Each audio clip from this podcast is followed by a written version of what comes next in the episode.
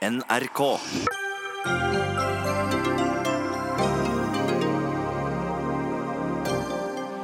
President Donald Trump kan om kort tid anerkjenne Jerusalem som Israels hovedstad. Det er såpass kontroversielt at selv Frp vil tråkke på bremsen.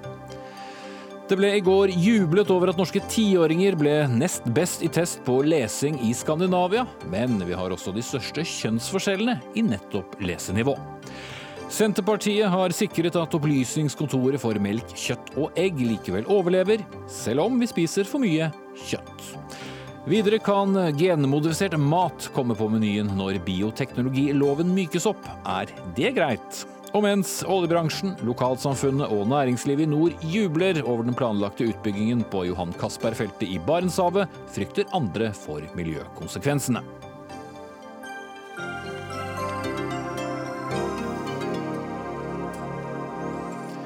For eller imot både det ene og det andre, altså, i kveldens Dagsnytt 18. I studio sitter Espen Aas. Og aller først, det er altså ventet at eh, president Donald Trump i kveld kommer til å anerkjenne Jerusalem som Israels hovedstad. Dette er en stor symbolsk handling som Israels statsminister mener anerkjenner historiske rettigheter, mens Tyrkias president kalte det et stort nederlag for menneskehetens samvittighet. Det kan iallfall komme til å utløse store reaksjoner både i Midtøsten og ellers. Reporter Sigurd Falkenberg Mikkelsen, du er med oss direkte fra Jerusalem. Hva er det som gjør dette så kontroversielt at eh, alle går nå litt rundt på, på eggeskall? Jeg står nå og kikker ned på gamlebyen. Eh, den eh, gylne kuppelen til den berømte moskeen. Eh, nedenfor der ligger eh, Vestmuren, eller det som er kjent som Klagemuren, eh, hvor jødene ofte ber. Og Da tror jeg faktisk vi mister kontakten med Sigurd Falkberg Mikkelsen og hans tekniske apparatur. Vi får se om vi henter deg inn igjen senere, Sigurd. Men da går vi til dere som vi har i studio her. Og Christian Tybring-Gjedde, stortingsrepresentant for Frp, helt først. Ditt parti anerkjenner jo Jerusalem som eh, hovedstad, men du mener at dette kan være feil tidspunkt for denne anerkjennelsen til Trump. Hvorfor det? Jo, fordi at det foregår eh, samtaler og forsøk på å skape en eh, enighet mellom palestinerne og Israel nå. Netanyahu har sagt at han er villig til å forhandle også med Hamas, så lenge de anerkjenner Israels rett til å eksistere, og at de ikke vil bruke vold å, i kampen mot Israel. Eh, og hvis man derfor konkluderer allerede nå med at eh, Jerusalem er en udelelig eh, hovedstad for Israel, så er jo dette ett av forhandlingspunktene, og det er dumt å konkludere før du har satt deg ned. Men jeg prinsipielt mener at Israel har en rett til å bestemme hvilken by som skal være deres hovedstad. Og, og Fremskrittspartiet støtter at Israel velger Jerusalem som sin hovedstad. Men vi bør ikke gjøre det akkurat nå? Nei, vi bør ikke gjøre det akkurat nå. Så er jeg veldig spent på hvordan Trump formulerer seg i kveld. fordi at Hvis han snakker om en vestdelen av Jerusalem, så gjør han automatisk det til at øst på en måte tilhører eh, palestinerne. Og det vil være en katastrofe for Israel, rett og slett fordi at de ikke får tilgang til klagemuren eller, eller da tempelhøyden. Så det, det, vil jo da være en, en, eh, en, vanskelig sak for Israel dersom man velger vest. Så hvis han velger en udelelig, altså øst og vest, så vil det være en selvfølgelig vanskelig for palestinerne, som har en stor, stor andel av befolkningen sin i øst. Så uansett hva han sier, så vil det være konfliktskapende, tror jeg. Mm. Anniken eh, stortingsrepresentant for Arbeiderpartiet stadig. Eh, hva sier du til uttalelsen til Tybring-Gjedde her? Er dere ganske enige? Ja, at dette er uklokt. Og at det kan eh, føre til en mer tilspisset situasjon. Og at det på sett og vis kortslutter hele fredsprosessen. Dette er jo det vanskeligste i spørsmålet mellom Israel og Palestina. Jerusalem-spørsmålet det ble jo utsatt som en del av Oslo-forhandlingene. Mange mener at det var galt. Og det er, det er veldig mange konflikter knyttet til dette. Så det gjør en fremforhandlet løsning vanskeligere. Og det er klart at amerikanerne kan ikke spille noen rolle i noen fredsforhandlinger når de på sett og vis konkluderer på det vanskeligste spørsmålet allerede. Men så er det som Tybring-Gjedde sier her, um, knyttet stor spenning til hva Trump nå sier i kveld. Om han sier at han anerkjenner hele Jerusalem udelelig som eh, Israels hovedstad. Det er jo den største provokasjonen eller om han sier at han anerkjenner Vest-Jerusalem. Eh, det er noe av det samme som russerne har sagt. De har sagt at Vest-Jerusalem er eh, israelernes og Øst-Jerusalem er palestinernes, eller om man er bare uklar på dette punktet. Men det er jo det med Trump da, at han har en egen evne til å være provokativt. Og når det kommer til et stykke, så blir det kanskje ikke så provoserende som vi først har antatt. Så vi får se hva han sier nå klokka 19 norsk tid. Mm. Da har vi med oss Sigurd Falkenberg Mikkelsen fra Jerusalem igjen. Og, og Sigurd, hva, hva, kan ventes å skje etter denne kunngjøringen fra Trump nå om uh, en knapp time? Nå har jeg akkurat hørt at president eh, Mahmoud Abbas, altså palestinernes president, skal holde en tale i løpet av kvelden. Det vil nok sette tonen for hvordan de palestinske reaksjonene blir. Eh, jeg var tidligere i dag på Mokattam, palestinernes hovedkvarter, og snakket med Nabil Shah, som er hans utenrikspolitiske rådgiver. Eh, og De var jo da opptatt av at dette måtte bli ikke-voldelige protester. Men om de klarer det, gitt følsomheten i dette temaet, det er en annen sak. Eh, sånn at Du har protest, protestene som antagelig kommer, og så blir det et spørsmål hvordan de utarter seg. Og så har du hele det diplomatiske sporet som palestinerne i hvert fall prøver å fokusere på nå. Og trykke på de knappene de kan. De har vært i kontakt med paven f.eks. For, for dette er jo ikke bare en islamsk-jødisk konflikt, det er jo også en sterkt kristent element her. Eh, sånn at det er et, det er et helt eh, diplomatisk eh, spill i gang her. I tillegg til det som foregår på, på, på, gateplan. Men det er klart at palestinerne har ikke all verdens med kort å spille, gitt deres svake posisjon i konflikten med israelerne. Men så er det jo ikke bare israelerne og palestinerne heller, Sigurd. Det er mange naboer som eh, følger eh, ganske godt med på denne talen. Eh, og også mange land langt derifra. Ut fra de uttalelsene og kommentarene som har kommet i forkant, hva har vi i vente? Ja, det er nok litt avhengig av hva Trump sier og hvordan han ordlegger seg, som også dere var inne på i studio. Eh, men da jeg spurte Nabil Shah om dette, så var han opptatt av hva Trump allerede hadde sagt til Abbas, nemlig at han hadde tenkt å flytte ambassaden. Og at det signalet i seg selv var så kraftig at akkurat hvordan han eh, vender på kommaene, ikke betyr eh, all verden. Men det kan jo kanskje avta eller ta reaksjonene noe hvis, hvis han f.eks. kommer med andre forslag eller noe sånt noe.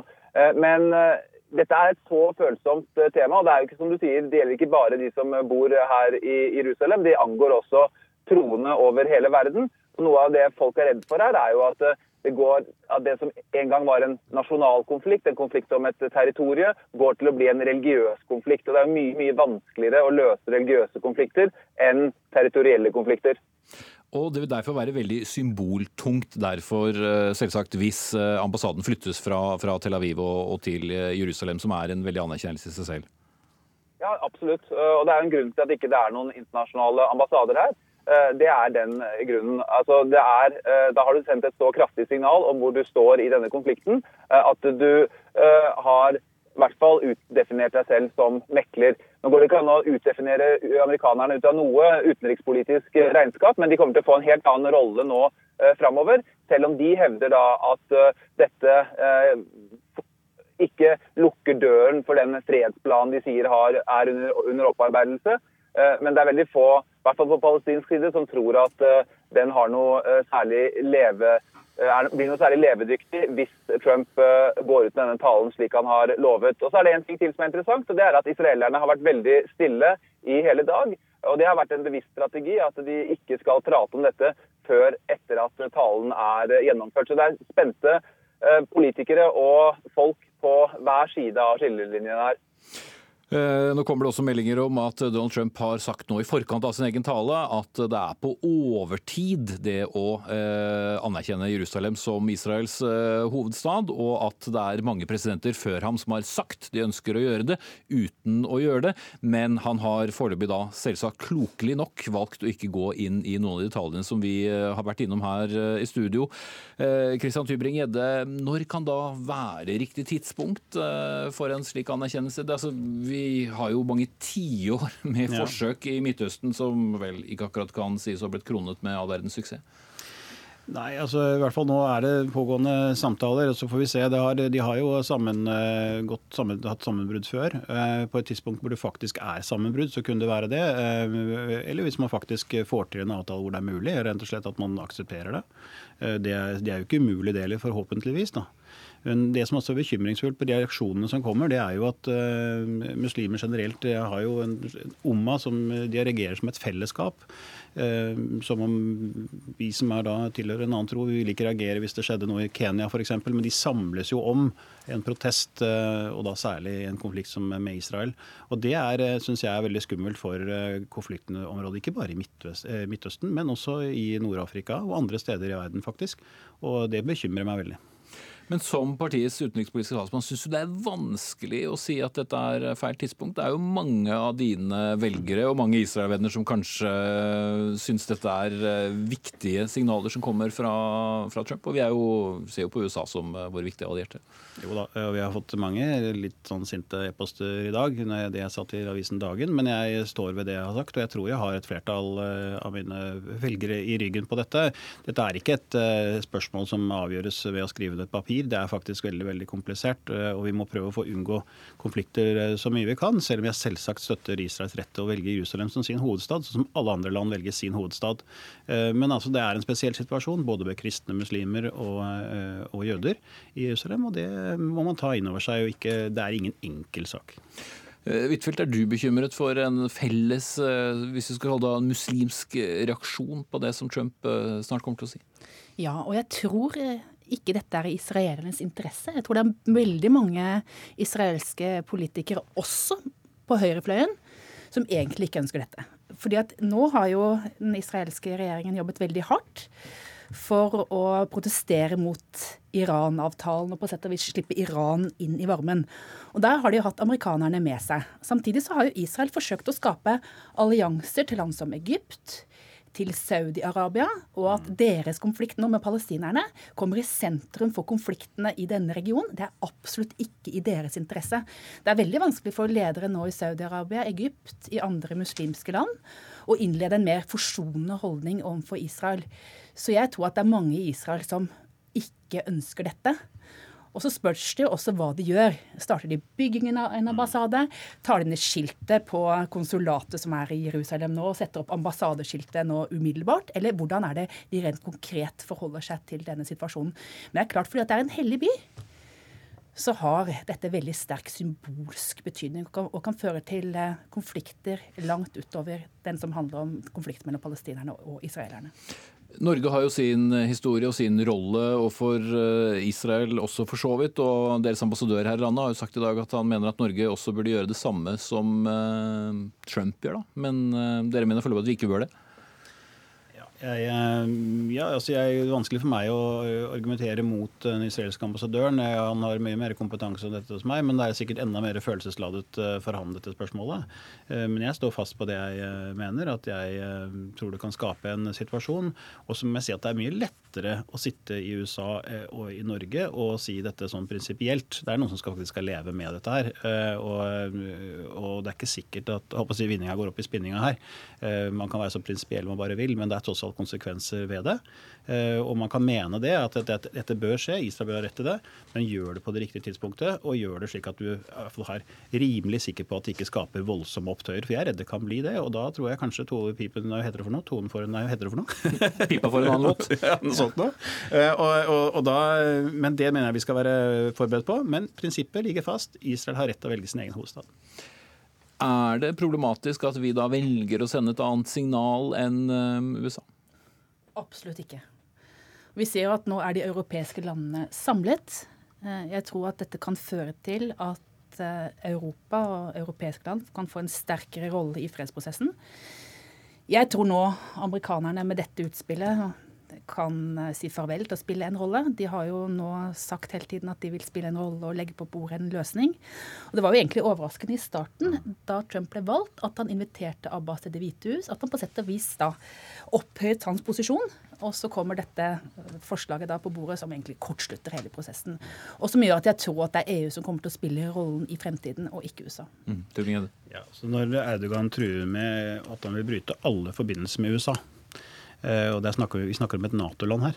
Eh, det er jo veldig alvorlig. Altså det, altså hvordan skal man løse det når hun kommer med den type Nå har Audugan sagt veldig mange tydelige ting tidligere, og det er skummelt nok. Men dette det virker jo som man vil sannsynligvis ha folket med seg på å gjøre. Eh, og det skaper jo et veldig stor splittelse mellom, eh, mellom muslimske verden og Europa og USA. For mange av reaksjonene som hans virker jo mer religiøs enn kanskje politisk. Ja, og Det er nettopp dette som er så farlig i denne situasjonen at eh, landene i Midtøsten er jo langt fra allierte. De sunnimuslimske landene er jo langt fra allierte. Men det er veldig viktig for å demme opp mot ekstremisme for amerikanere og, og europeere nå bidrar til eh, forsoning. Altså med sunnimuslimske ledere. Noe annet kan jo føre til oppblomstring i, i, i terrorvirksomhet. Slik at det, det er farlig når man nører opp under den type konflikter, og det kan dette ja. føre til. Og så tror jeg også at det kan være en potensiell måte hvor eh, shia- og sunnimuslimer samler seg eh, om en felles fiende. Eh, og det er Det finnes jo ikke noe mer potensielt veldig skadelig enn det. For da kan man legge andre konflikter til side, og så har man en felles fiende som tross alt er sterk makt i Midtøsten, men det er ikke veldig mange. Sjelden tilfelle av å høre Arbeiderpartiet og Fremskrittspartiet være enige. Vi skal vende oss eh, mot eh, tredjeperson her i studio. Marte Heian Engdahl, som er seniorrådgiver ved Prio. Det er liksom fristende å spørre hvorfor han gjør dette her. Da? Hva er det å hente?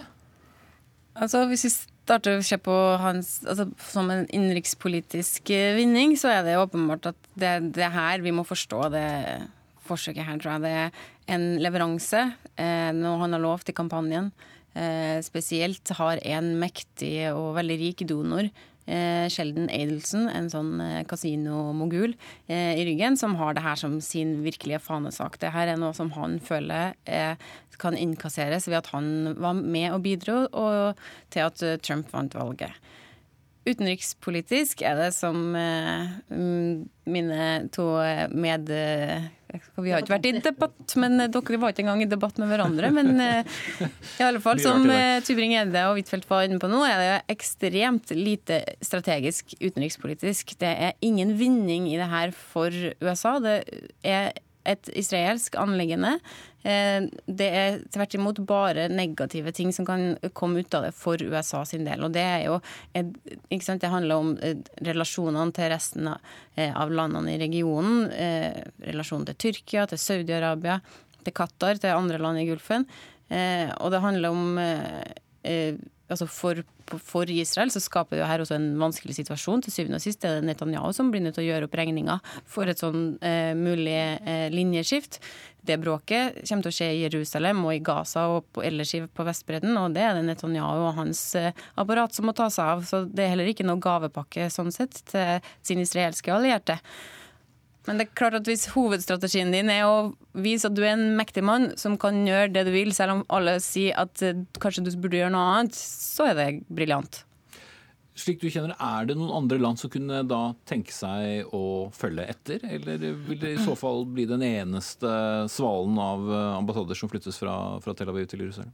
Jeg kan eh, ikke se for meg at det er noen land uh, av betydning her i den, i den, konteksten her som kommer til å følge etter. Og, uh, nå har det vært mye snakk om det her sånn, for Norge sin del og for andre så, som allierte av USA. Men det er jo ikke bare et alliansespørsmål. Det her er jo et spørsmål om folkeretten og hvor man står i det. Og da er det ikke bare å følge etter selv om, man skulle, selv om ens nærmeste allierte beveger seg i den retningen. Og sånn sett så er det også foruroligende hvis det er sånn at det her skaper enda større splid mellom Europa og USA. Eh, og det er ingen som egentlig er tjent med, og i alle fall ikke en småstat som oss.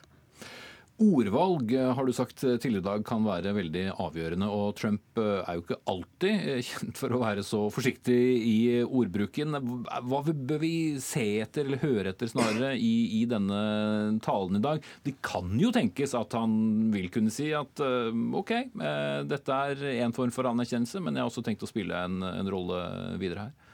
Ja, Det er klart en veldig sånn uh, ryktejungel uh, ute her i dag om hva den, den uttalelsen egentlig kommer til å bestå av. Det kan være flytting av ambassaden. I fram i tid, men at man, at man, men man sier men det som det er, er starten på at det her er anerkjennelsen vår. Så kan det være som Tubing Redde sa, det kan være spesifikt at man tar Hvis man hører ordene evige, Israels evige og udelelige hovedstad, så er det et betydelig dårligere tegn enn hvis man f.eks. slenger på at vi flytter ambassaden vår til Vest-Jerusalem, og så har vi lyst til og forhåpninger om at vi også kan ha en ambassade i Øst-Jerusalem som skal være for palestinerne. Det vil være en helt annen, helt annen ballgame med en gang. og Derfor så er det mange sånne detaljer. Og det er jo, som du sa, det at vi skal liksom legge vår lit til at finessen er på plass her, eh, er jo litt urovekkende. Mm. Kan det da være, eller er det, kroken på døren for uh, noen fredsprosess uh, videre dersom uh, det blir en, en, hel, en hel, by, en, en, hovedstad kun for israelerne, som på en måte blir utfallet av talen hans? Så Hvis du skal ha en bærekraftig fred mellom Israel og palestinerne, så er du også nødt til å ha med palestinerne. Eh, for president Abbas er det helt umulig å kunne få med sitt folk eh, på at en palestinsk stat ikke skal ha Øst-Jerusalem som sin hovedstad. Så han vil ikke kunne gå videre på det. Eh, han er i en ganske svak posisjon internt i palestinsk politikk. Vi kan håpe at den talen hans etterpå kan være forsonlig, og sånn, men det er også sterke, sterke grunner til å trekke i tvil hvor mye innflytelse han har på gata i Øst-Jerusalem, hvor mye innflytelse han har på gata i, på Gazastripa osv.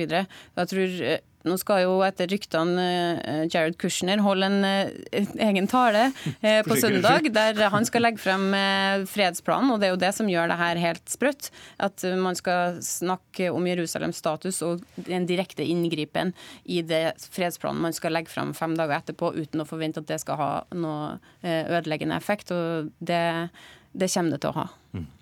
Det blir i hvert fall en uh, veldig avgjørende tale og noen spennende dager. Takk skal dere ha, alle tre. Marte Heian Engdahl, seniorrådgiver i PRIO. Anne Kvintfeldt, stortingsrepresentant i Ap. Og Christian Tybring-Gjedde, stortingsrepresentant i Fremskrittspartiet. Dagsnytt 18 alle hverdager klokka 18.00 på NRK P2 og NRK2.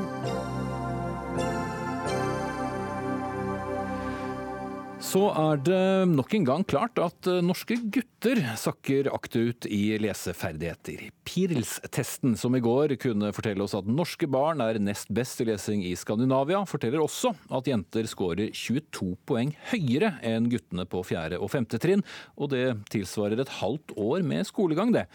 Thomas eh, Nordahl, eh, professor i pedagogikk på Høgskolen Innlandet. Du er også leder for en regjeringsoppnevnt ekspertgruppe som jobber med å bedre undervisningen for barn og unge med behov for særskilt tilrettelegging, som det heter. Hva vet vi sånn egentlig om hvorfor gutter sliter mer enn jenter på skolen? Vi vet dessverre litt for lite om dette. her. Det har ikke vært noe særlig mye forskning omkring hvorfor gutter presterer dårligere enn jenter, sjøl om vi har visst dette i mange år. Så det vi egentlig står overfor, er at vi har noen antagelser som kan gi oss noen type svar på hvorfor situasjonen er som den er, men eh, noe sikker kunnskap har vi ikke. Torbjørn Røe Isaksen, eh, kunnskapsminister i Høyre. La meg si det sånn at eh, sikkert siden du og jeg begynte på skolen, har vi hørt om det samme. Hvorfor får vi aldri denne kunnskapen om hvorfor det er sånn? Altså, det har vi helt sikkert gjort. Uh, for at uh, Kjønnsforskjeller har det eksistert i norsk skole, og dette gjelder i alle vestlige land uh, i veldig lang tid. Men så har jo samfunnet rundt endret seg. Bare to sånne store endringer som har skjedd nesten i løpet av min levetid eller i løpet av min levetid. For det første så går jo nesten alle nå på videregående skole. Før var det jo mange av disse guttene som uh, gjorde helt andre ting. Starta å jobbe tidligere, mye færre som gjør. Og det andre tingen er jo at arbeidsmarkedet endrer seg også. Så vi tror jo at det kommer et arbeidsmarked hvor du blir mer og mer avhengig av å ha en type formell kompetanse på en eller annen måte. Og da blir det jo desto vanskeligere hvis du ikke har klart å få med deg det du skal på skolen. Så dette er et, dette er et stort problem. Det betyr ikke at alle guttene er tapere. Altså Dette er ikke som kvinnekampen på, på 70-tallet veldig mange gutter, de aller fleste, går det veldig fint med. Men det er flere gutter blant dem som gjør det dårlig enn jenter. Og det er helt systematisk og det er helt konsekvent.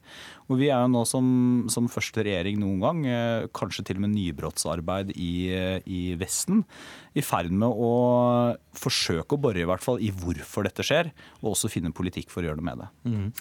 Nordahl, hva mener du burde gjøres for å få guttene opp på samme lesenivå som, som jentene? Ja, det er nok flere ting, og jeg skal være forsiktig med å gi noen klare svar. Men vi har, vi har prøvd å sette litt på skoler der gutter og jenter gjør det like bra, fordi skola fins i Norge. Det vi ser der, er at de har veldig god struktur på det de driver med. Det ser gutter ut til å profitere veldig på. De har vært veldig opptatt av å velge, velge lesestoff som gutter er interessert i. Altså De har sagt at det viktigste er at gutter leser, ikke hva de leser. Og dessverre har det kanskje vært litt motsatt i norsk skole. At eh, det har vært en bestemt type lesestoff som ikke akkurat har vekket interesse for gutter. Og så har de vært veldig flinke til å følge opp gutter som har hengt litt etter, med, med, med det vi kaller en tidlig innsats. Altså følge med på leseutvikling og iverksette tiltak når gutter begynner å henge etter. Og det der er det nok mange skoler som kunne hatt litt å lære. Ja, kunnskapsminister, Det høres jo ikke ut som eh, rakettforskning, akkurat dette. og Kanskje noe man Nei. kunne satt i verk for lengst? Ja, og mye av dette er jo, er jo ting eh, som vi også eh, har satt i gang, eh, og som er i gang. Og jeg tror også mye etter, eh, etter innspill og råd fra forskningsmiljøer, bl.a. Thomas Nordahl. Så, så en sånn oppsummering er jo at eh, en god skole vil klare å løfte alle elevene sine. Altså Uavhengig av bakgrunn, uavhengig av kjønn. Men det vi ser at også på en god skole, så vil du ofte ha kjønnsforskjeller. Men jeg tror eh, alle de tinga som Thomas Nordahl sier, tidlig innsats, altså det at man må slutte med en vente-og-se-holdning. Ikke tenke at jo, men det ordner seg nok, ikke sant. Du har ikke knekt lesekoden i første eller andre klasse, ordner seg nok i tre eller fjerde klasse. Det vet vi at blir en følgefeil. Og dette er jo ikke viktig for at statistikken vår skal se bra ut, det er viktig for at det handler om gutter som dermed får dårligere muligheter seinere i livet, bl.a. større sjanse for å droppe ut.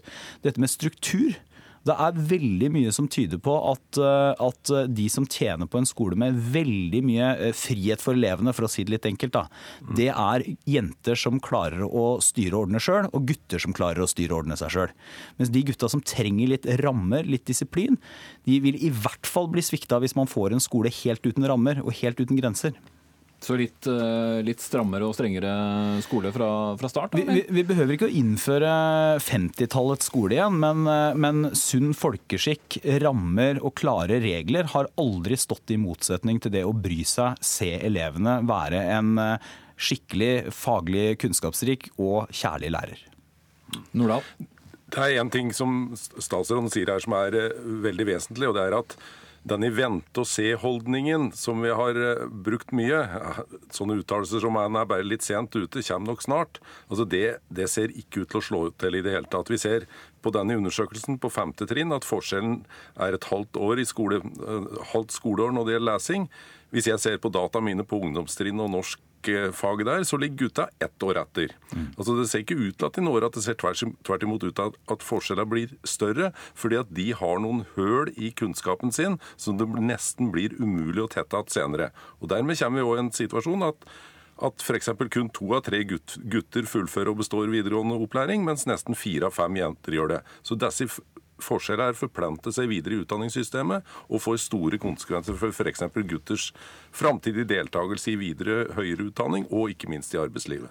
Dette, dette er jo en Uh Ofte så, Dette er jo noe som diskuteres også en del i skoledebatten. Eh, så diskuterer man at eh, veldig mange barn og unge kommer på skolen hver eneste dag og opplever nederlag. Altså Det å gå på skolen blir en evig bekreftelse på alt du ikke får til. Og Da er det litt sånn karikert, da, så syns jeg av og til det høres ut som om noen sier at ja, men, da må vi liksom senke krava litt. Da Da må vi ikke ha så høye forventninger. Eh, og så må må vi satse på at det går bra, og så må vi ha, eh, ja, gjøre det fint for eleven på andre måter. Mens jeg mener jo at skolens aller viktigste oppgave er jo å ha høye forventninger, ikke, ikke til en eller annen gjennomsnittselev, men til hver enkelt elev. Men så også sette inn tiltakene sånn at du faktisk kan oppleve mestring. Det betyr ikke at alle guttene i norsk skole kan bli like gode til å lese, men det betyr at alle kan faktisk knekke lesekoden. Altså Med hjelp så kan alle norske elever knekke lesekoden. Og hvis du ikke gjør det, så får det i de aller aller fleste tilfeller det får, blir en følgefeil som i verste fall blir med deg hele resten av livet. Og som kan få konsekvenser når du som 40-åring plutselig må omskolere deg fordi bedriften din skal ha inn et nytt digitalt styringsanlegg eller et eller annet sånt. Det høres ut som eh, du har eh, oppskriften eh, og diagnosen ganske klar her. Har du bedret dette nå på de siste fire årene? Altså, vi har, vi, har, gjort mye som er riktig og viktig, men det er også viktig for meg å si at vi, vi vet ikke alle årsakene. og Der har Thomas Nordahl, som er en av dem som har forsket på dette, helt rett. Vi har nå satt ned et utvalg som både skal bore i hvorfor er det slik, under ledelse av Camilla Stoltenberg ved Folkehelseinstituttet, men som også skal foreslå politikktiltak. Så tror ikke jeg de kommer til å foreslå at vi skal slutte med tidlig innsats, som er en viktig satsing for regjeringa uansett. Jeg tror ikke de kommer til å si at vi skal slutte med satsing på leseopplæring for alle, som er viktig for oss uansett. Men de kan kanskje si oss litt mer om er det noe annet også vi må gjøre? Er det noen andre diskusjoner vi må ta for å se hvorfor det er flere gutter som er i den gruppa som blir hengende etter? Og den rapporten skjønner jeg du skal få en gang ut på 2019. Det er noen kull eh, som skal gjennom skolen før den tid? Ja, det er det. Men det er viktig å si også at eh, de tiltakene som Thomas Nordahl nevner her, f.eks., er, er jo gode skoletiltak uansett. Eh, så dette er jo ting vi, vi, gjør og burde gjøre uavhengig av om det hadde vært en kjønnsforskjell i norsk skole eller ikke. Altså det å ikke gi slipp på barn før de har knekt lesekoden f.eks. Gi støtte og hjelp tidlig, ikke starte med det i 8. og 9. klasse. Det er smart uavhengig av skillene mellom gutter og jenter. Eh, Nordahl, kunne vi eh, satt i gang ting litt tidligere? Ja, jeg, jeg mener at det, det haster litt, og at vi må ha noe fokus på F.eks. dette med forventninger. Jeg tror at problemet her ikke er høye forventninger, problemet er lave forventninger. Særlig til den delen av gutter som presterer dårlig. Vi ser at de, det hjelpetiltaket vi bruker mye, er en form for spesialundervisning. De gutta som mottar spesialundervisning, så ser vi at 60% av de har en assistent uten pedagogisk utdannelse. Disse gutta her som sliter med læring, manglende mestring, de trenger å bli møtt av voksne med høy kompetanse og høye forventninger, og ikke av en som ikke er utdannet, nettopp for å hjelpe til med, med de utfordringene disse gutta her står i. Så på de områdene så kunne vi nok gjort ting noe raskere enn å vente på en mer kunnskap på området. Men, men, der skal vi nok ikke vente helt til dette gutteutvalget vårt er ferdig, for der leder jo Thomas Nordahl et eget utvalg som skal gi oss råd og innspill om dette. Eh, og jeg, eh, En av de mest slående tinga i forskningen på dette, det er jo nettopp det Nordahl her sier, at veldig mange elever forteller om at de, de, skjønner i etterkant at de har ikke fått ekstra hjelp. Det har ikke blitt forventet noe av dem når de har blitt satt med spesialundervisning, snarere tvert imot. Mm. Og det er elever selv som har fortalt, bl.a. i en rapport som Barneombudet ga ut. Og det er jo rett og slett en fallitterklæring. At de, de elevene som trenger støtte og hjelp, får isteden et dårligere undervisningstilbud og får lave forventninger. Kunnskapsminister Torbjørn Røe Isaksen og pedagogikkprofessor Thomas Nordahl ved Høgskolen i Innlandet. Vi sier foreløpig takk til dere, og minner vel om at vi har diskutert forskjellen på gutter og jenter mange ganger, og kommer kanskje til å gjøre det igjen også. Takk skal dere ha.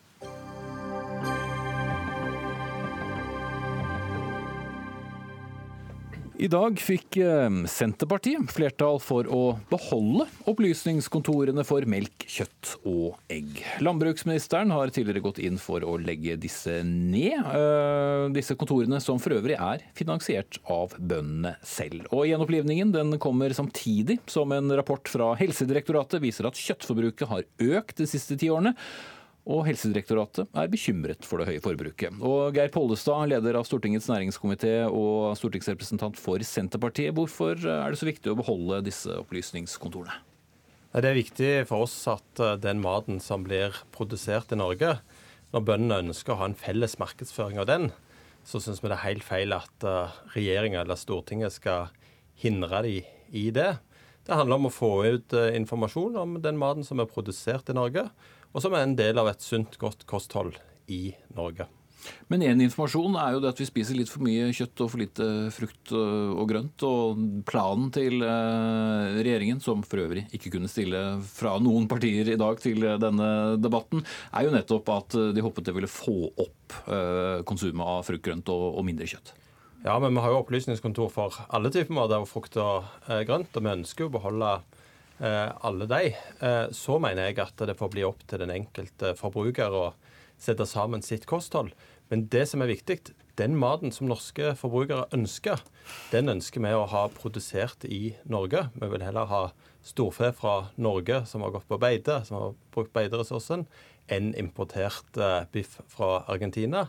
Så Derfor er det viktig for oss å ha en matproduksjon som gjør at vi dekker den etterspørselen som forbrukerne har. Eh, og det er viktig at eh, vi greier å ha at næringa sjøl får lov å drive markedsføring, sånn at en har balanse i markedet. Hvis det er overskudd av sauekjøtt, så kan en kjøre kampanjer på det for at folk skal kjøpe mer av det og få ned lagrene. Som sagt så kunne ingen fra partiene Høyre eller Fremskrittspartiet stille her, men Anja Bakken Risem, du er leder av Framtiden i våre hender. Du er ikke så fornøyd med dette nye stortingsflertall for å beholde disse kontorene, til tross for deres lange fartstid. Hvorfor det? Mm. Nei, altså Vi vet jo at kjøttforbruket i Norge må ned. Både av hensyn til klima og miljø, og til, av hensyn til helse og kostholdet vårt. Uh, og det er lett å, å, tenke når det kommer nyheter som i dag, når vi får høre at uh, kjøttforbruket øker nok et år, at det er en del av en naturgitt, uh, naturlig utvikling. Men sånn er det ikke. Dette er en del av en villa og en styrt politikk fra staten Norge, og der Opplysningskontoret for egg og kjøtt er en aktiv og viktig brikke inn i den politikken. Det er altså et eh, mer eller mindre i praksis et rent reklamekontor for økt kjøttforbruk. Eh, og vi mener at det i sin nåværende form ikke kan opprettholdes. Men så er det jo litt uklarheter rundt intensjonen bak den merknaden som Stortinget i dag har stilt seg bak.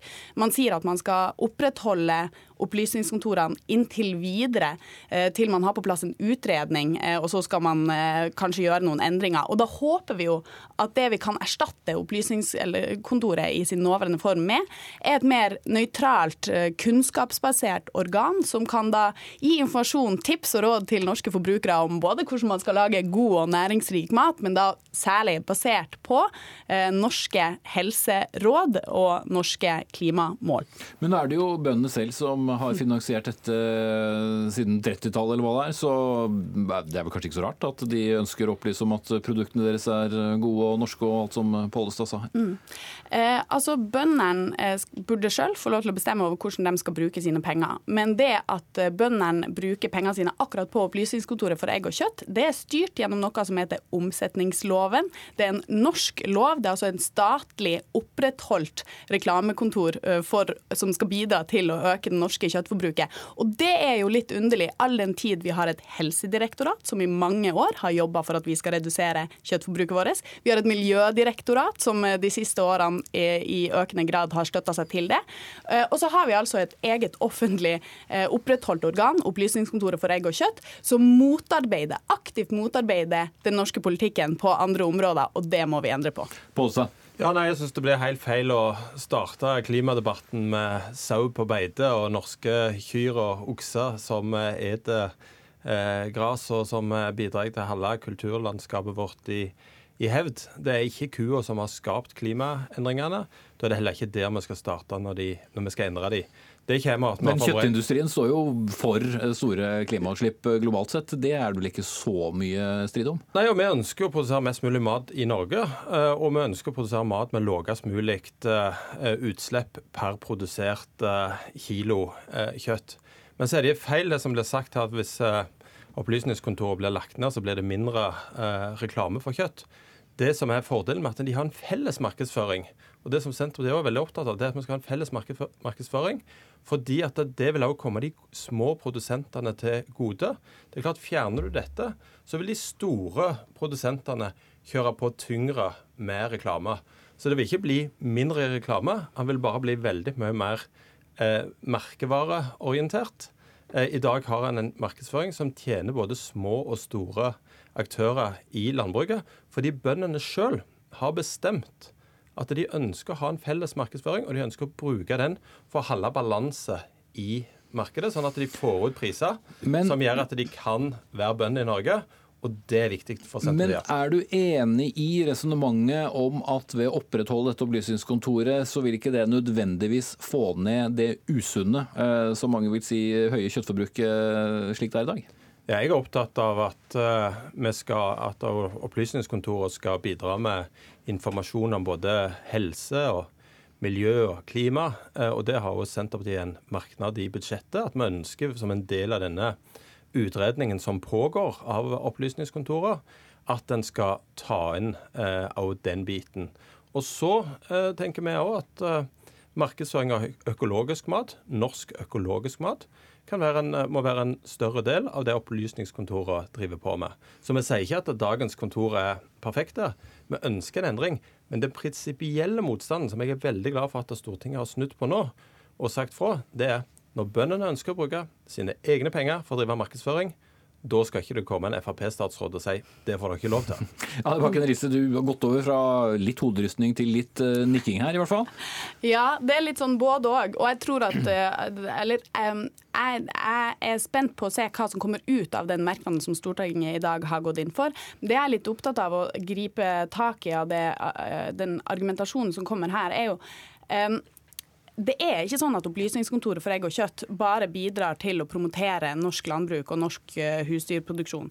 Uh, nå så driver de med generisk markedsføring. Det betyr at de uh, driver med markedsføring for ulike kjøtttyper. I perioder der det er lite storfekjøtt, norsk storfekjøtt ute i markedet, så betyr det at de bidrar til å Altså norske bønder sine penger går til å drive markedsføring for importert kjøtt fra Biff og Botswana. Så det er én ting som jeg mener at er litt sånn hult i den argumentasjonen som kommer fra Geir Pollestad nå. Men, kan Men, du ikke bruke også dette kontoret da til noe mer positivt, som for så vidt Pollestad sier? For eh, det kan jo være god mm. folkeopplysning i et opplysningskontor. Mm. Jeg vil vite hvor mye kjøtt jeg skal spise, f.eks.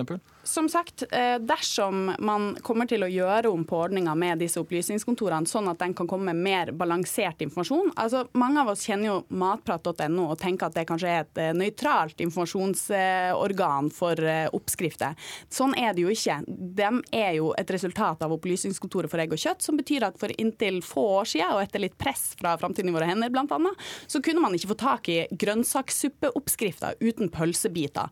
Og det er den type skjevheter som vi ikke ønsker å opprettholde med dagens ordning. Så dersom man ordner det, får plass flere hensyn som klima, miljø, eh, økologisk mat osv., så, videre, så er det veldig positivt. Men det, hvis jeg bare kan legge til én ting Det må bli kort. Det skal bli kjempekort. Det er flere områder, det er flere ting som er nødvendig for å gjøre om på eh, det kjøtt, høye kjøttforbruket i Norge. Det går også på landbrukssubsidier, og det går også på dumping av kjøtt på, gjennom norske dagligvarebutikker, som i dag selger kjøtt til en spotpris. Og Nå der hører jeg deg på vei inn i en helt. Eh, annen debatt som vi sier kunne brukt eh, ti minutter på, men jeg hører også at Geir Pollestad, leder av Stortingets næringskomité fra Senterpartiet, og du, Anne Bakken Riise, leder av Framtiden i våre hender, hadde faktisk noen felles ønsker om den fremtidige opplysningskontoret. Så får vi se hva denne utredningen byr på. Vi må dekke om Eh, på bordet her nå. Takk skal dere ha.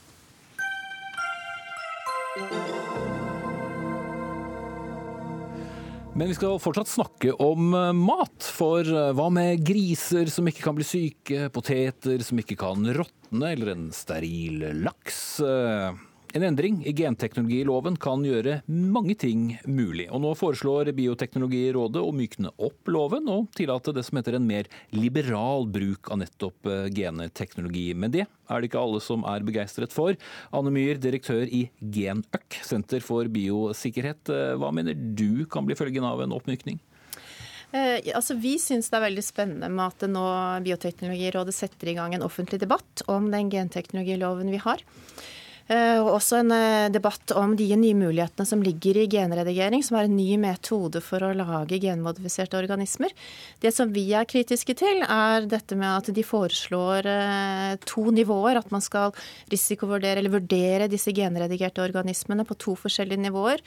Og vi mener at det er for dårlig planlagt, og vi mener at man heller skal se på informasjonskravene som ligger i den gamle genteknologiloven, og se på om man kan gjøre de bedre i stedet. Kristin. Halvorsen, leder av Bioteknologirådet. Hva er det dere vil?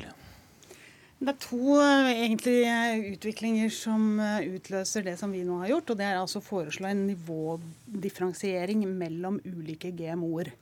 De gamle, det var folkelig og fint. Ja, skal, Hvis jeg får bitte lite grann tid, skal jeg prøve å forklare det. De gamle GMO-ene, da tok man et gen fra en annen plante, putta inn i planta, og det var litt tilfeldig hvor den var. Eller fra et dyr. Eller fra en annen art, til og med. Det man nå kan gjøre, det er å gå inn og redigere i genene. Du trenger ikke putte inn noe nytt fra noen annen. Man kan til og med kanskje skru litt på en, en gen. Eh, og det ligger en oppside der f.eks. i å kunne framstille steril laks som ikke kan blande seg med villaksen på en bedre måte enn det man kan i dag. Eller gjøre poteter eh, resistente mot eh, sopp, tørråte osv. som gjør at vi må sprøyte mindre. Eller man kan lage ei ku som ikke har horn på en mye enklere måte enn en i dag. Så det er en helt klar eh, oppside. Og det er hva skal si, mye mer målretta metoder enn de gamle GNO-ene som vi er veldig enige om at uh, ikke bidro til samfunnsnytt og bærekraft uh, og etikk, og som vi er veldig stolte av at vi har hatt en genteknologilov i Norge som har lagt de prinsippene til grunn, og som har sørga for at vi har trygg mat, og at alle kan stole på det. Men det vi ønsker nå, det er jo å, å for så vidt oppmuntre å se hva kan være oppsidene på, på, dette. Og så går det, Den andre poenget til at vi har gjort dette, det er at det går en ganske stor internasjonal debatt. Og i Sverige f.eks. har man tatt disse hva skal man si, mest presise måtene for genredigering de har man tatt helt ut av genteknologiloven. Og, og de har falt utafor eh, lovverket. Eh, og det vi ønsker da, er to ting. Det ene er å ta imot den eh, nye teknologien på en bærekraftig, samfunnsnyttig og etisk riktig måte, samtidig som vi ikke undergraver det gode lovverket som vi har. Og Derfor har vi foreslått at vi skal ha forskjellige nivåer ut fra uh, hvor store inngripen det er da, i eh, genmaterialet. Og dette har jo, som du sier, vært en uh, stor internasjonal debatt, debatt faktisk, europeisk debatt, og mange har jo omtalt dette nærmest som sånn Frankenstein-mat med alle disse forskjellige små inngripene. Men er dette ting du ville servert til dine egne barn? Steril laks og ikke-råtnende poteter, og, og, og, tenke at det er greit, det vil ikke påvirke genmaterialene våre videre osv.? Det, det ville jeg ikke gjort i morgen. Absolutt ikke. Fordi at jeg er veldig opptatt av trygg makt, og det vet vi at norske forbrukere er eh, opptatt av òg. Og det er jo en veldig viktig grunn til at ikke de gamle GMO-ene har hatt noen Uh, hva skal man si, etterspørsel, eller at de som produserte mat har vært opptatt av det. Men jeg er også opptatt av at vi skal bruke mindre sprøytemidler. Eh, og jeg er også opptatt av at vi ikke skal ha laks som blander seg med villaks. Og vi har planlagt at vi skal ha en voldsom økning i, i produksjonen av, av, laks. sånn at det ligger jo noen utfordringer her som jeg tenker at det kan tenkes at denne teknologien løser bedre enn de metodene eh, vi har i dag. Og vi ønsker jo ikke at disse nivå 1, da, disse minste inngrepene, eh, skal utenfor loven. Vi ønsker at de skal ha meldeplikt, og vi ønsker at de skal vente på at de får en tilbakemelding før de kan sette i gang. Uh, og Det betyr at myndighetene til enhver tid vil ha muligheten å gå inn og si hør her, dere må fortelle oss hva dere gjør, dere må fortelle oss hva dere vet om risiko. Og så må de kunne gå og si ok, men du er, du må vi flytte opp til en annen og mye grundigere behandling før vi eventuelt kan si ja, eller legge ned forbud. Anne nå skal du få slippe til igjen. Ja. Eh, etter dette lille foredraget, er, er, du beroliget? Tenker du at vi har grenseoppganger her som eh, er greie? Ja, altså Det med genredigering er jo uh, mer presist. Det, det er billigere, det er raskere enn de gamle metodene vi har brukt. Og man kan bruke det til å endre ett gen, eller så kan man bruke det til å sette inn gener på en bedre måte enn man kunne før. Men samtidig, det vi er opptatt av, er at man vet egentlig li, veldig lite fortsatt om genredigering. Hvor presist er det, og hva er effektene over tid. Og det, Samtidig så er det jo sånn at det, om en endring er liten eller stor, behøver ikke å ha noe betydning for effekten. For det er effekten av genendringene som har noe med risiko å gjøre. Og det må man undersøke. og Derfor mener vi at det er for tidlig å operere med disse nivå 1 og nivå 2. Vi må kunne mer om mekanismene. Vi må kunne litt mer om presisjon når det gjelder denne genendringene genredigering. Men samtidig så er det jo sånn at genredigering, i og med at det er billigere, så vil det også åpne opp for mange nye muligheter. Mesteparten av de genmodifiserte plantene som finnes i dag f.eks., de, er de er modifisert til å tåle sprøytemidler. Nå kan man bruke dette verktøyet til å lage sånn som denne sterile laksen. Man kan tenke på de problemene vi har i forhold til landbruket med soppproblemer. ikke sant? Altså Man kan bruke denne teknologien inn til å gjøre ting som også er relevant for norske forhold, og at det er andre aktører enn de store internasjonale som kan være med. Mm. Ja, for det har jo vært eh, en av de virkelig store debattene. Monsanto og andre store eh, produsenter som har sagt at nei, men det er jo dette vi må gjøre for å fø verden. Eh, samtidig så kan noen også kanskje patentere hvordan vi genmodifiserer. Altså, hva praktisk vil dette ha å si for norske folk når de hører på det, det du har lyst til å gjøre? Mm. Nei, det er helt riktig det som eh, Anne sier. At den teknologien, eller de gamle GMO-ene, har, de har krevd veldig mye penger å, å utvikle dem. Og det har krevd veldig mye penger å få dem patentert og få dem godkjent. Og dermed har du sittet der med de store multinasjonale selskapene som har drevet dette, drevet forskningen på dette i veldig stor grad. Og ofte uten at andre forskere har kunnet få innsyn i hva de faktisk har gjort. Det har vært ekstremt udemokratisk, ekstremt kommersielt. Dette er en billigere teknologi. Det betyr at det kan være en mye mer desentralisert eh, teknologi. Og det kan bety at du kan eh, gå på mange nisjer. Og hele Norge er jo en slags nisje i verdenssammenheng. Tenk på noen av de klimautfordringene vi, kommer til å få. Det er mye fuktigere vær framover. Eh, og med utfordringer for jordbruket og med utfordringer for soppangrep både på korn og på poteter osv. Og, så og mye sprøytemiddelbruk i den mm. sammenheng. Så det ligger en oppside der, det er jeg helt enig i. Men det vil ikke være en utfordring hvis hun nå sier at nå, nå, er dette greit, og så plutselig sier noen ja, men nå har vi eh, en ketsjup, eh, et maisprodukt, et soyaprodukt som ok, også har genmodifiserte produkter, men hvorfor skal ikke det da, eh, de store produsentene, kunne komme inn med det også? Nei, ikke sant. Det som vi, må, det som vi fremdeles trenger en mye mer diskusjon rundt, og det er derfor Bioteknologirådet for første gang i historien egentlig, vi har lagt fram et utkast, en uttalelse, og bedt om innspill fra Genøk, fra matprodusentene, fra forbrukerinteressene, for å se om vi klarer å manøvrere fornuftig i dette. Og det er ikke sikkert det trengs en lovendring for å få til en mer nyansert eh, og differensiert behandling av de ulike metodene. Fordi genteknologiloven legger egentlig opp til det, selv om ikke det er brukt. Fordi det har vært så lite relevant uh, så langt. Men det jeg håper, og det jeg syns vi egentlig allerede har fått til, det er en mye mer nyansert debatt på dette området her. Og mange er opptatt, etter, eller opptatt av å lære mer av det. Og det har vært en diskusjon med veldig sånne steile fronter. Så jeg er veldig godt fornøyd hvis vi nå kunne både få eksempler på hva er det vi mm. egentlig kan oppnå, hva er det vi kan få til, men samtidig så må vi ikke gamble med verken forbrukernes tillit til hvordan vi produserer mat, eller med eh, naturen.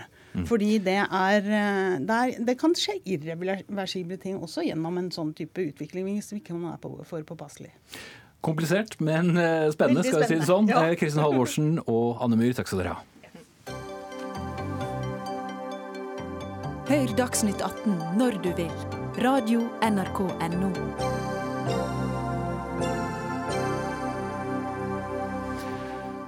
Gårsdagen ble beskrevet som en merkedag for Norge og oljenæringen. Da la nemlig Statoil frem, frem planene for hvordan de skal bygge ut Johan Castberg-feltet utenfor kysten av Hammerfest. Produksjonsstart er ventet i slutten av 2022, og etter planen skal det utvinnes olje og gass fra feltet i over 30 år fremover.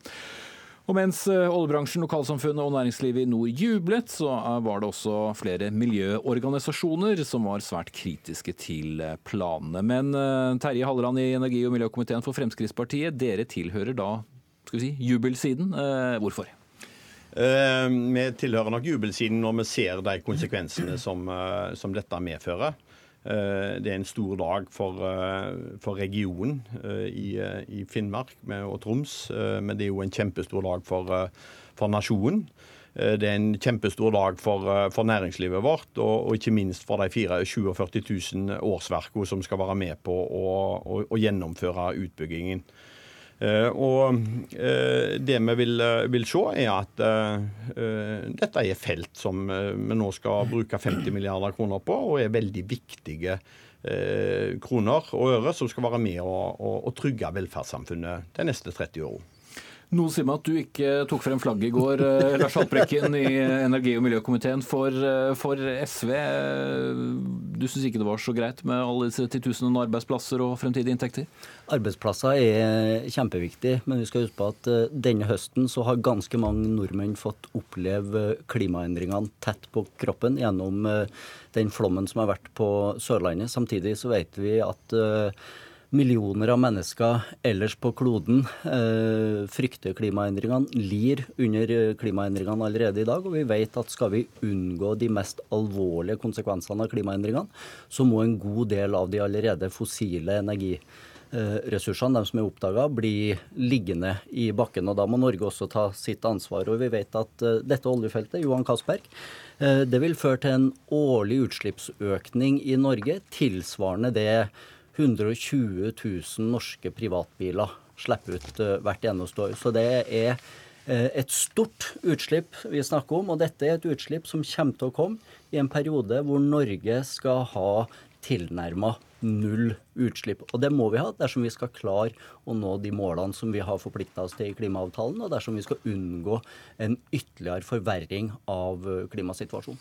Ja, Halleland, kjenner du en liten smak av eh, dieselstøv og eksos eh, i munnen?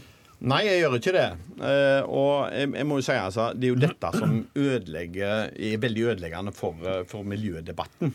Eh, med sånne synspunkter. Alt skal være vondt og vanskelig, eh, og, og lite pragmatisk tilnærming til, til, utfordringene. Men du er ikke uenig i at det kan være farlig utslipp fra oljenæringen? Nei, det, altså, vi slipper ut. Eh, men, men altså, det som verden står overfor, det er jo et behov for mer energi, og ikke mindre.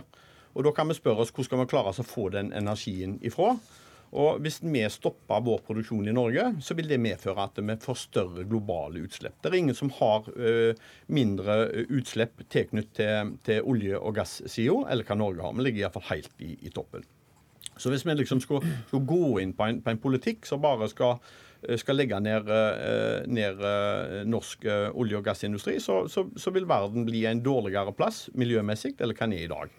Ja, det, det, er faktisk ikke riktig. Jo, men eh, Bare for å si én ting. Altså, det, er, det er fortsatt stor kullutvinning, eh, og gass vil være renere enn en kulleslipp. Og på sikt vil vi ikke kunne være med på å faktisk eh, få ned utslippene dersom god, relativt ren i hvert fall, norsk gass kan erstatte noe av det mest forurensende. Nå er det et oljefelt vi snakker om her. Det er ikke et gassfelt. Men det er også gass der? Det, men det er aller mest olje. Og så er, det helt, er det helt, er det helt riktig at verden trenger mer energi.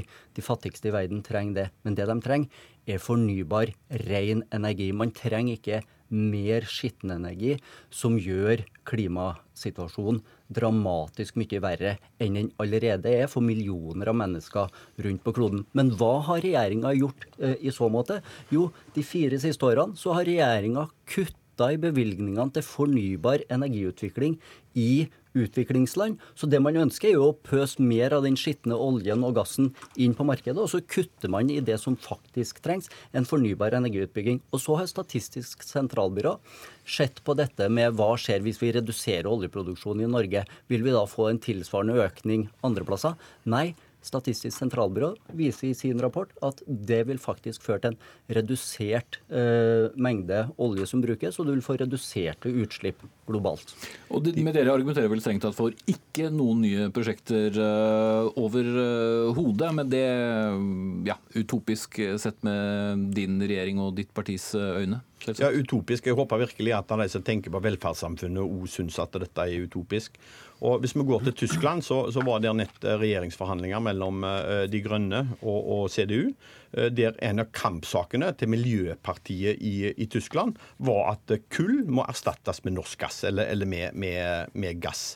Og Hvis du da ser på resultater og, og tenker mindre på symboler, så, så vil du altså i, eh, i, Tyskland, hvis du hadde erstatta den kullproduksjonen som er i Tyskland i dag, med gass fra Norge, så ville du oppnådd altså en reduksjon på 300 000 millioner tonn, som tilsvarer seks ganger det totale utslippet som Norge har. Og da oppnår du et resultat. Men så har du hatt den oljen som så, det er mest av på Dette er først og fremst et oljefelt. Og uh, så må vi jo se på Men du ser fossilt er med å bedre klimaet. Det er jo det som er mitt poeng. Og Hvis du ser på hvem er det som har klart å redusere utslippene sine, det er Storbritannia og det er USA. Vi, Hvorfor har de gjort det? Jo, for de har erstatta kull med gass. Vi kan godt ta en diskusjon om gassforbruket i EU. Og hvis EU skjerper sine eh, energieffektiviseringsmål, så viser tallene fra EU at da vil behovet for gass synke, og utslippene vil gå kraftig ned. Men så er jo det store spørsmålet om dette kommer til å være lønnsomt for Norge i framtida. Og Miljødirektoratet, regjeringas eget uh, fagorgan, har jo levert en uttalelse til Johan Castberg-utbygginga, som man nå uh, da jubler for i Fremskrittspartiet.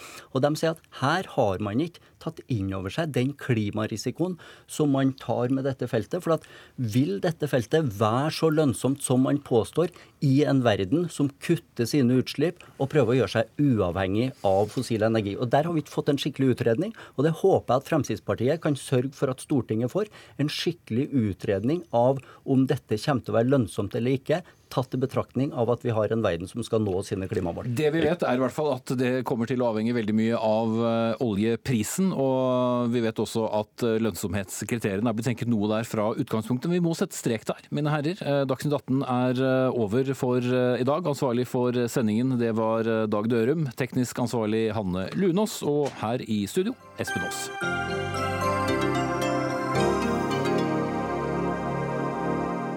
Har hørt en podkast fra NRK P2.